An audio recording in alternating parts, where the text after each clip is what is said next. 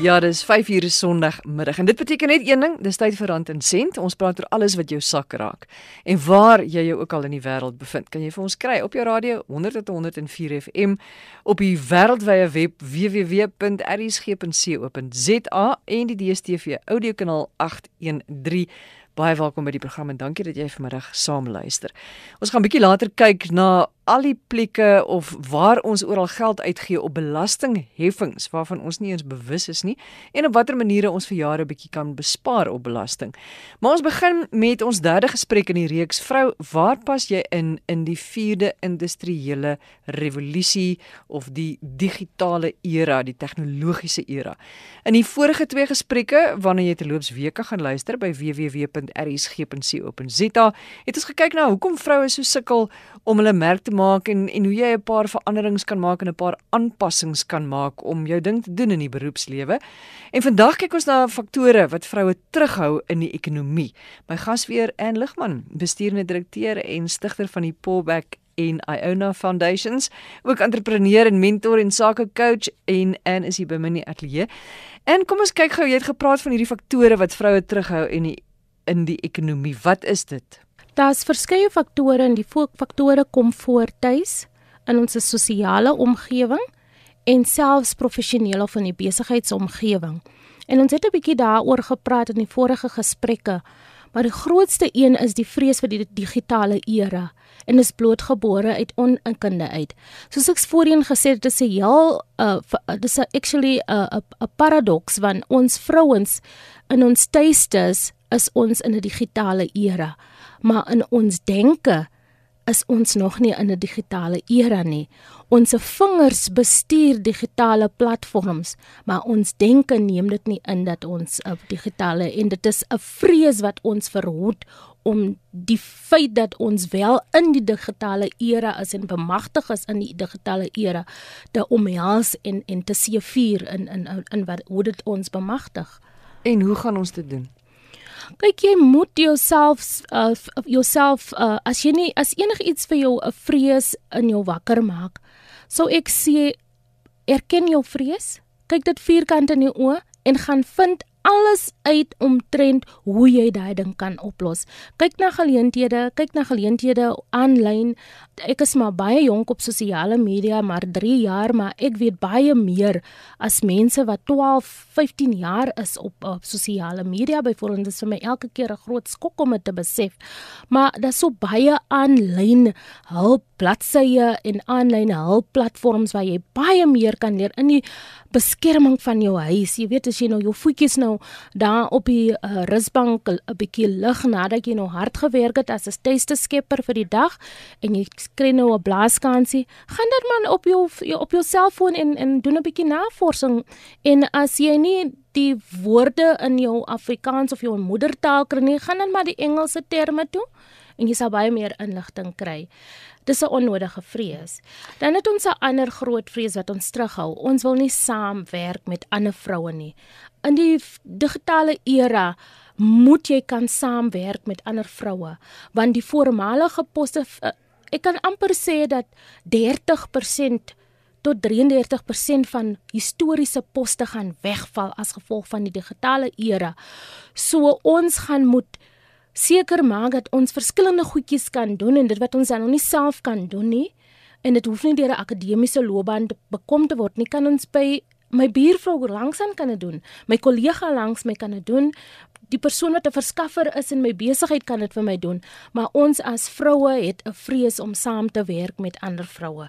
En dit is so verkeerd dit hou ons slegs terug dan is dit die net gou voor jy aangaan wat moet ons dan doen? Hoe kan ons dit hoe kan ons dan daai eerste stap doen om te sê goed maar ek gaan nou saam met so en so begin. Ons gaan 'n bietjie uitbrei op hoe kan ons daai stappies aanneem in ons opvolggesprekkie maar net om te noem een platform is om 'n ekosisteem van vrou gemeenskappe te skep waar vroue organisasies bymekaar kom en dan mekaar bemagtig en hulle kan selfs befondsing kry vir dit want daar is befondsing wat nie benut word om die vrou te bemagtig in die digitale era nie.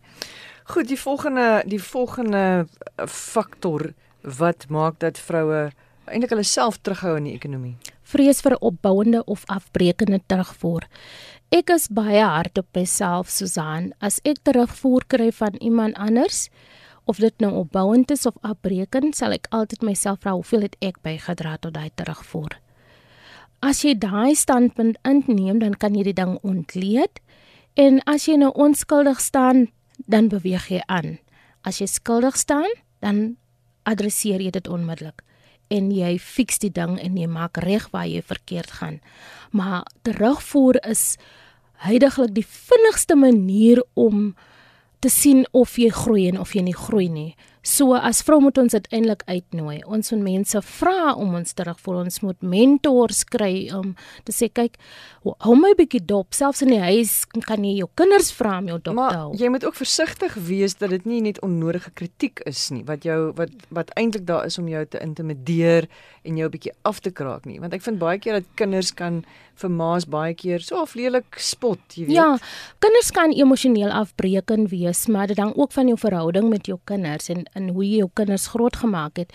Ek is bevoorreg in die sin dat enige terugvoer wat ek wel van my kinders kan uh, wat ek terugkry van my kinders of dit nou of opbouend of afbreekend is, kan ek aan aangaan werk. Ek kan iets konstruktiefs doen om trend die inligting. Dit is hoe jy dit verwerk.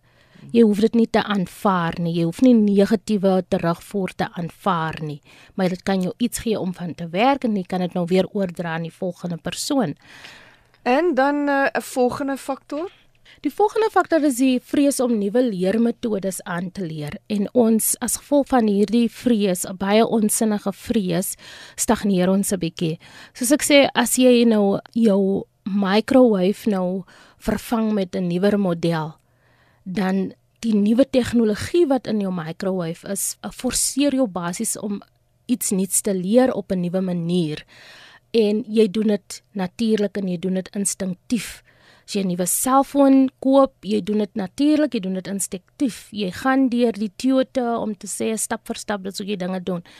Maar as jy nou hoe kan ek sê as jy nou 'n doelbewuste besluit moet maak om nou iets nuuts te leer, nou sit jy met 'n vrees. Gaan ek dit maak? Gaan ek dit nie maak nie? Gaan ek die kennis kan inneem?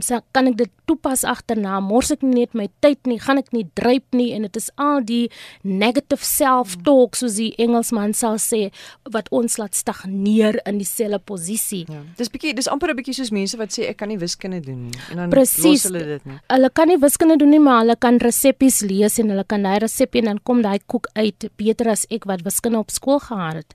Jy sien, dis die ding, ja, jy jy onderskat jou vermoë. Jy ver, onderskat heeltemal jou vermoë. En jy dink dat jy net op 'n sekere gebied kan presteer, maar jy, jy weet, ek dink altyd enige iemand wat 'n huishouding kan bestuur en wat kan kos maak vir 'n hele gesin is in my oë dis dis 'n entrepreneur. Ja. Daai is vir jou die grootste potensiaal vir entrepreneurskap. Nou het jy nog twee faktore wat dan nou in vroue se rol staan ag of liewer in hulle pad staan om uh, 'n uh, volwaardige plek in die ekonomie in te neem. Dis die vrees om uiting te gee aan 'n uh, innoverende aspek van vrou wees buite die huishoudelike sfeer. As jy kyk na die geskiedenis van ons land, was ons grootendeels die tuiste skeppers. Ons mans en ons vaders en ons oupas moes baie ver trek om werksgeleenthede te kry. Hulle het soms in ander provinsies gebly en ons het die huishouding geran. Ons het die huishouding van sonsopkoms na sonsondergang so effektief bestuur dat die land se ekonomie baie meer stabiel was as wat dit heidaglik is. Maar as ons daai selfe innoverende aspek moet toepas in die werksomgewing en in die entrepreneurspaadjie, dan voel ons skielik geïntimideer, dan betwyfel ons onsself nou weer en ek kan dit glad nie verstaan nie. Dis iets wat ek nag na nag mee sit en ek wonder maar hoekom die kandidaat wat nou onder my mentorskap is, hoekom kan die persoon so uitstaande huisvrou wees en so innoverend wees in haar uh, huishouding want ek voel soms selfs jaloers as ek na hulle huishoudings gaan, maar sy kan nie presies dieselfde persoon wees in die werk of in die besigheidsomgewing nie. So dit is 'n dis absolute mentaliteit ding. Um uh, Susan, dis iets waaraan jy doelbewus moet werk. En laastens? Laastens is dit die vreugde om jouself te verkoop. Ons is die beste vrywillige werkers wat jy kan kry in die kerk. Ons kan soveel toekenninge kry, man, as dominee iemand 'n prys moet gee, is dit gewoonlik 'n vrou. As die gemeenskap ondergaan organisasies hulle jaarkenning uh, jaarlikse toekenningsseremonie sou, dis 'n vrou. Maar hoekom kan ons dit nie in 'n winsgewende bedryf doen nie? Of self in 'n so sosiale bedryf wat wel selfonderhoudend is wanneer jy kry sosiale bedrywe wat selfonderhoudend is waar jy nie jouself afsloof en jouself tekort doen vir jou sosiale bedryf nie. Hoekom verkoop ons onsself altyd teen minder as markwaarde? Hoekom? En gaan jy vir ons volgende week die antwoorde hierop gee? Ons kyk 'n bietjie volgende week daarna En dit is en Ligman en baie dankie. Sy is die bestuurende direkteur en stigter van die Pullback en Iona Foundations. Sy is ook entrepreneur en mentor en sakecoach. En volgende week is dit dan ons laaste gesprek en dan gaan Anne vir ons raad gee. Ons vroue oor hoe ons ons plek kan volstaan in die beroepslewe en die werkslewe en ook as entrepreneurs ons merk kan maak. Ons gaan nou praat oor belastingbesparings. Op watter maniere kan ons alles bespaar op die belasting wat ons moet betaal. Soms weet ons nie eers ons betaal belasting op sekere goed nie. My volgende gas Rikus Nel, hy's 'n gesertifiseerde finansiële beplanner by PSG Wealth.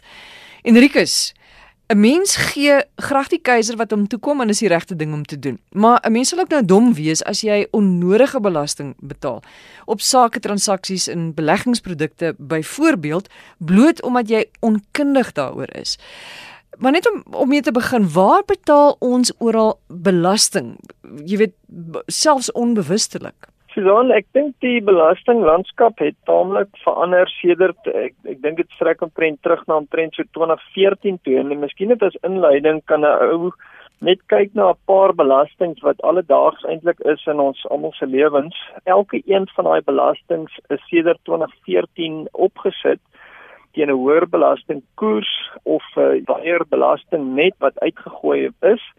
En dit affekteer definitief elke een van ons daar buite. En uh, as jy kyk na die brandstofheffing en uh, hierdie is nou al syfers kom ons sê soos wat dit tans staan na die laaste begroting van uh, Mr Tito en Bueni die begrotingstekort wat hy uitgespreek het was 243 miljard rand vir 2019-2020 om dit net in perspektief te sit, dit is 243000 woonsteleenhede van 'n miljoen rand elk. Net om daai syfer bietjie grond te bring, ons ons is praat baie maklik van 'n biljoen of 'n miljard deesdae in die Suid-Afrikaanse begroting. Maar ons begrotingstekort vir 2019-2020 word gereken op 243000 1 miljoen rand woonstelle. Nou goed, Die regering kan dit net op twee maniere finansier. Hulle kan of die geld leen wat hulle natuurlik toenemend moeilik gaan gaan kan doen as gevolg van ons graderingsagentskappe wat nie al van nou nie en die res moet hulle met uh, belastinginkomste vul. Nou kom ons kyk net gou die belastingheffings R5.60 per liter uh, op die oomblik. Kapitaalwins is opgestel 'n insluitingskoers sedert 2014 het dit opgegaan. Dividende belasting het opgegaan na 20% toe. BTW het laas jaar opgegaan na 15% toe. Boedelbelasting en skenkingsbelasting is op vir 'n sekere bedrag. Bo 30 miljoen is op na 25% toe. Ons persoonlike inkomstebelasting het 'n addisionele kerf gekry van 45% as 'n maksimum. Dit is op van 41% af vaste eiendom se oordragskoste is aansienlik verhoog sedert 2015. Die maksimum koers is nou bykans 13%. Daar's 'n koolstofbelasting wat 1 Junie in werking tree en dan is daar natuurlik die aksies en suikerbelastings wat onlangs ingestel het. So al hierdie belastingvertakkings wil ek amper sê het elke dag invloed op Suid-Afrikaners. Wanneer jy spaar, want ek het nou die dag toe praat ek met iemand, toe sê sy vir my sy het nou so baie gespaar en as gevolg van die die goeie wat sy nou eintlik gedoen het deur so baie te spaar, het sy op die ou einde baie minder teruggekry van die belastingman en nou is sy nie baie gelukkig daaroor nie. Ja. So watter foute wil ek amper sê maak ons met spaar wat maak dit as op die ou einde meer belasting betaal of net minder sou terugkry of minder sou bespaar op belasting? So dan so wat ons oasies beklemtoon hier is is om te sê die belastinglandskap verander dit dit raak meer gekompliseer en die die enkele fout wat mense doen uh, of beleggers doen is om te dink dat 'n selfhelpstrategie is nog steeds die beste want jy bespaar op sekere kostes. Jy gaan nooit totaal en al wegkom van belasting af nie, maar daar is definitief hefbome wat kundige mense beleggers kan help trek om belasting effektief en nou, daar's nog 'n komponent koste effektief te kan wees en en ons moet net onthou dat belasting het 'n onmiddellike implikasie maar dit het ook 'n toekomstige implikasie en waar dit regtig duur raak vir beleggers en individue is as hulle nou beleggings maak wat nie belasting effektief of koste effektief is nie en hoe daai beleggings kom ons sê in die toekoms moet hergestruktureer word. Maar dit gaan nie net oor die onmiddellike uh, besluitneming nie. Ek beklemtoon die feit deur te sê dat belastingbeplanning raak absoluut inherënt deel van uh, persoonlike finansies en persoonlike welfaart en en as iemand dit nie gaan reg bestuur reg opstel van die begin af nie is die koste en die belastingimplikasies van foute absoluut enorm. Maar op watter manier maak word hierdie foute gemaak? As jy dit net kortliks kan noem voordat jy nou vir ons sê hoe ons dit kan regmaak. Die algemeenste fout is net jy jy jy belê in die verkeerde kom ons sê bateklas of jy jy belê in die verkeerde beleggingsvoertuig wat 'n spesifieke uh, inkomstebelasting implikasie het. Jy belê in die verkeerde regsentiteit. Met ander woorde, jy belê miskien in jou eie naam in steede daarvan om byvoorbeeld in 'n kind se naam te lê of 'n aparte regsentiteit in 'n uh, kom ons sê uitkeerpolis struktuur of jy belê van die begin af in 'n trust wat 'n aparte regsstruktuur vir jou skep. So hierdie tipe van goederes is baie moeilik om te verander wanneer jou beleggings en jou bates binne in daai regsentiteit 'n waarde begin kry het in kom ons sê akkumulasie of in groei waar dit nou spesifiek binne in hierdie belasting net net vasgevang word en die, die koste om dit dan te skuif om net vir jou voorbeeld te noem jy gaan kapitaalwinsbelasting optel jy tel oordragskoste op jy trek skenkingsbelasting aan jy trek boedelbelasting aan. En 'n ander baie baie groot verandering in in my opinie het 1 uh, Maart 2017 gebeur waarna hulle verwys artikel 7C van ons inkomstebelastingwet is wanneer 'n individu 'n lening het na byvoorbeeld 'n trust toe, maar die trust is 'n is 'n trust van hierdie verbonde persoon word daai lening teen 8% belas in die vorm van 'n renteinkomste, 'n geagte renteinkomste. En weer eens om jou idee te gee op 'n leningsbedrag van 10 miljoen rand is daai rente-implikasie 800 000 rand se renteinkomste vir 'n individu. Uh, so dis enorme invloede en en implikasies vir individue as hulle nie die struktuur, die voertuie en soos ek sê die bateklas van beleggings van die begin af. Okay, dis dis 'n ingewikkelde proses. En dit voel vir my 'n mens moet eintlik as jy in hierdie situasie is, moet jy na 'n kenner toe gaan. Maar nou dink ek aan mense, jy weet daar's dis nou nie almal wat 'n uh, eh, deel is van 'n trust nie of 'n begunstigde van 'n trust is nie. Dis nie almal wat 'n lening van 10 miljoen rand kan aangaan nie vir die gewone man op straat. Hoe gaan ek ja. vir jaar watter manier kan ek vir jaar belasting bespaar in my aankope en in my spaarplanne? daar's oor die afgelope tyd vreeslik baie oor uitreaniteite geskryf en wanneer daar iets oor dit geskryf word, is die gesprek altyd die swakker plaaslike opbrengs teenoor jou verbeterde buitelandse beleggingsopbrengste. Baie baie min van die artikels verwys dat uitreaniteite gee vir jou belastingaftrekking vir elke rand wat jy daarin belê uh, jou rente dividende is vrygestel van belasting, jou kapitaalwinsbelasting is is vrygestel. Jou boedelbelasting is vrygestel. Daar word nie gepraat van kom ons sê jou eksekuteurskoste wat jy spaar nie. As jy dit vergelyk met uh, byvoorbeeld 'n boedelbeplanningsstruktuur en jy vergelyk dit met 'n trust, dan bespaar jy op hierdie artikel 7C rente-inkomste gedeelte ook. So dis 'n ontsettende 'n belastingvoordelige belegging en iemand kan nie net sê maar die uitreaniteit is in uh, ek wil net die Engels gebruik maar 'n uh, uh, ander belegging net as gevolg van die beleggingsopbrengs nie. Jy kan sien dat belasting raak 'n reuse gedeelte van elke beleggingsoorweging. So vir die uh, ek wou net sê die deursnee Suid-Afrikaner behoort sy uitreaniteit te maksimeer.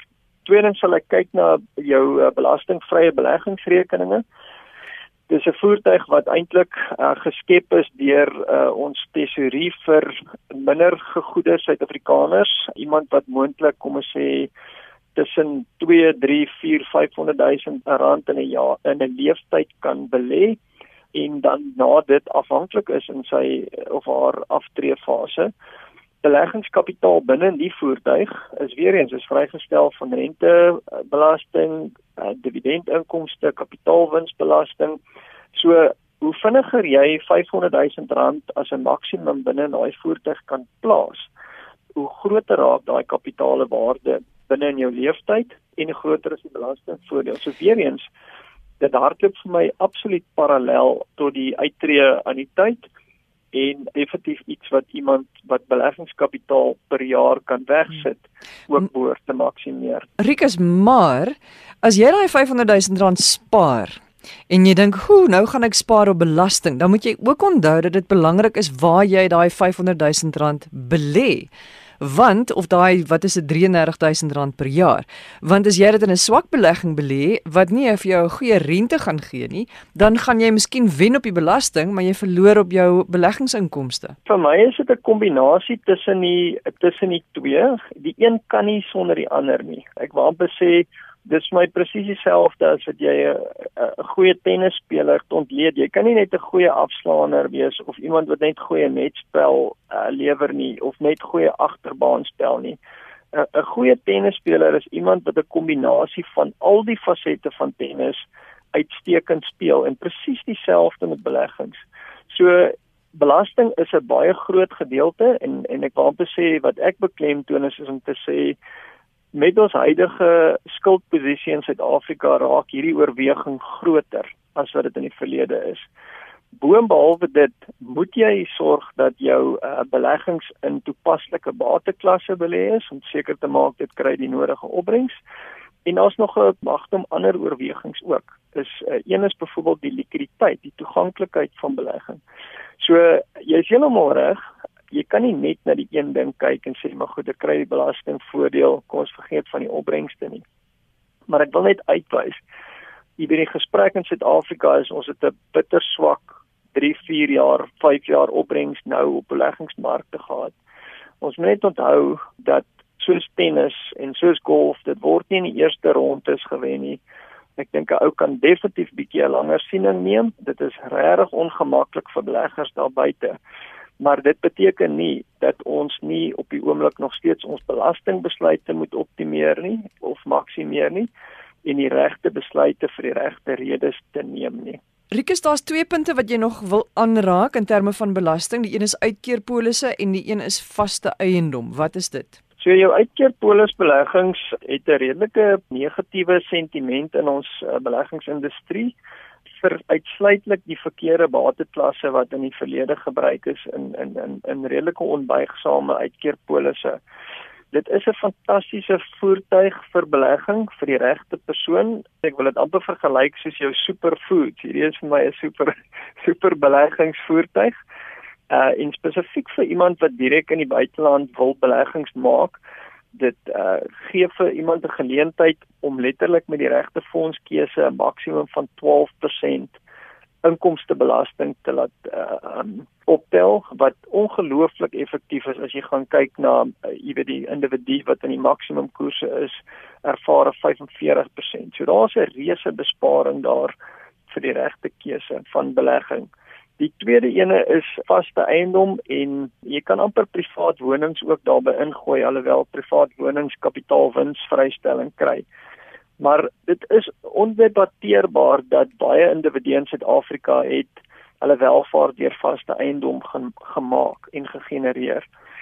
Wat ek wil beklemtoon is om te sê die belastingwetgewing rondom vaste uh, eiendom het ook wesentlik verander oor tyd. Daar het oordragskoste ingetree, kapitaalwins, uh jou eiendomsbelastings is wesentlik deesdae. Jy daar's agente kommissie wat aan 'n koste komponent intree en dan 'n baie groot ene van vaste eiendom is boedelbelasting wat baie moeilik is, is om te bestuur en ook die likwiditeit van hierdie eiendomme by dood. So weer eens vaste eiendom is 'n fantastiese bateklas en in in my opinie as as jy bankfinansiering gebruik en nog steeds jou bate basis vergroot om dit te groei as dit vergelyk word in terme van boedelbeplanning en belastingeffektiwiteit dink ek is dit swak gediversifiseer. Ek dink dit is 'n 'n hoë risiko bateklas op die oomblik met kleiner marges. En ek dink as mense dit gaan vergelyk met wat dit in die verlede was, uh dink ek is daar ander voertuie wat dit deesdae kan vervang, meer belasting en meer koste effektiwiteit kan meebring en wat nikiet is by dood. Rikus baie dankie. Lekker om weer met jou te gesels. Dis Rikus Nel, hy's 'n gesertifiseerde finansiële beplanner by PSG Wealth.